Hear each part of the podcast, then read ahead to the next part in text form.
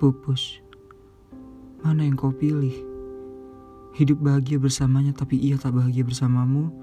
Atau hidup tersiksa tanpanya tapi bahagia ia hidup tanpamu? Tak usah beranggapan berlebihan. Yang ia lakukan hanya sebatas baik. Perhatian-perhatiannya ada karena memang dia seperti itu. Jangan besar kepala.